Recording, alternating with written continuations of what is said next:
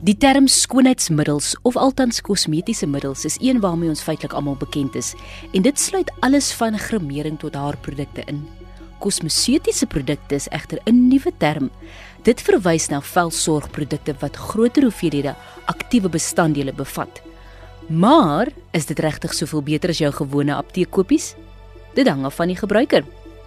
Die bestanddele is dalk die grootste verskil tussen kosmetiese en kosmetiese produkte, maar dis nie die enigste ding wat dit onderskei nie. Omdat baie skoonheidsmiddels in verskeie winkels, dis nou van kruidenierswinkels tot apteke te kry is, word dit van swakker formules gemaak sodat dit nie die algemene publiek se vel enige groot skade kan aanrig nie. Behalwe vir kort aanwysings agterop die verpakking, is dit gewoonlik baie maklik om te gebruik.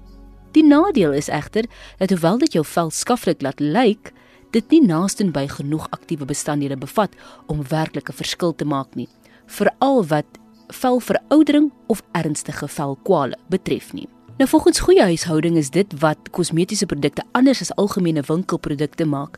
Hoewel baie daarvan aanlyn en in velsorgklinieke en spas beskikbaar is, sal jy dit nie sommer in die toiletware afdeling van jou plaaslike supermark of apteek kry nie is omdat dit met baie spesifieke aanwysings kom.